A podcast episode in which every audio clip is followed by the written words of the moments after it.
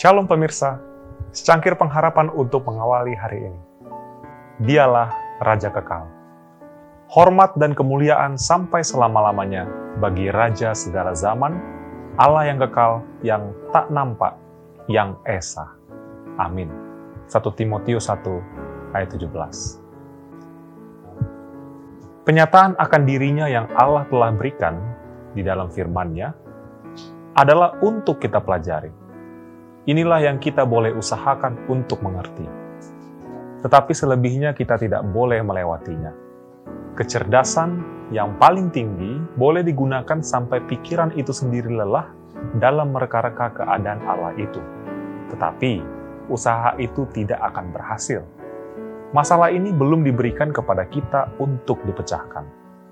Tidak ada pilihan manusia berdasarkan pikirannya yang dapat memahami Allah sepenuhnya.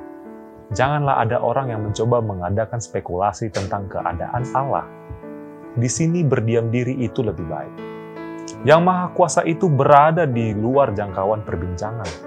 Bahkan para malaikat pun tidak diizinkan untuk mengikuti musyawarah antara Bapa dan anak itu ketika rencana keselamatan diadakan.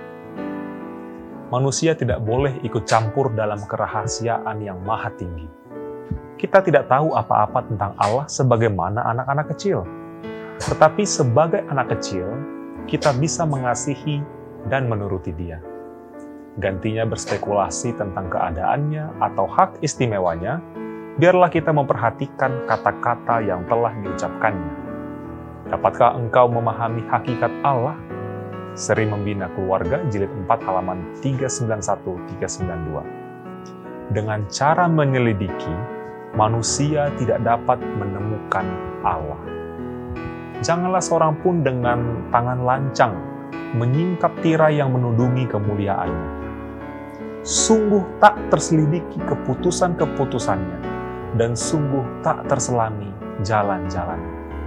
Inilah bukti kemurahannya bahwa ada tempat persembunyian kuasanya. Karena menyingkap tirai yang menyembunyikan hadirat ilahinya, berarti kematian. Tidak ada pikiran yang fana dapat menerobos rahasia di mana yang Maha Kuasa tinggal dan bekerja.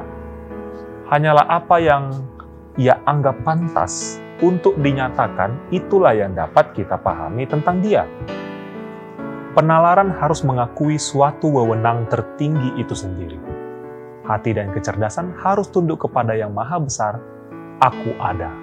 Seri Membina Keluarga Jilid 4 halaman 401. Demikianlah renungan kita hari ini, selalu mulai harimu dengan secangkir pengharapan.